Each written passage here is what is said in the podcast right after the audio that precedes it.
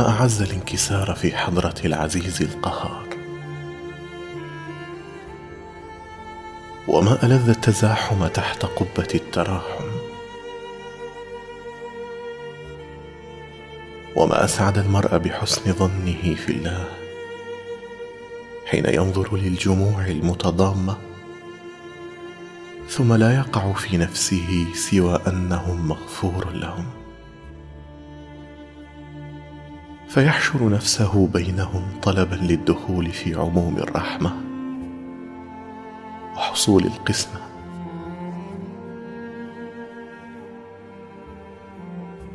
مناظر الجموع المتراحمة تربي على حسن الظن بالله الكريم. فالكريم من العرب لا يرد الوارد إليه في ليل أو نهار.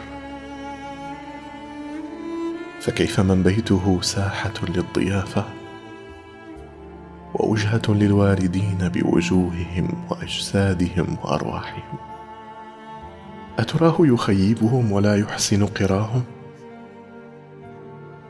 حشاه عز وجل. فإذا حال بينك وبين دار الأنس خنادق الحرص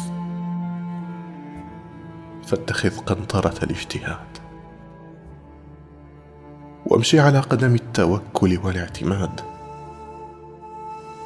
فضعا وحط الحياء في القلب ومن القلب إلى اللسان ومن اللسان إلى البدن. ثم قف على باب مولاك وقوف عبد ذليل حيران. فحينئذ فحينئذ فحينئذ تنكشف لك أسرار الأكوان. وتفوز بالوصلة بعد الهجرة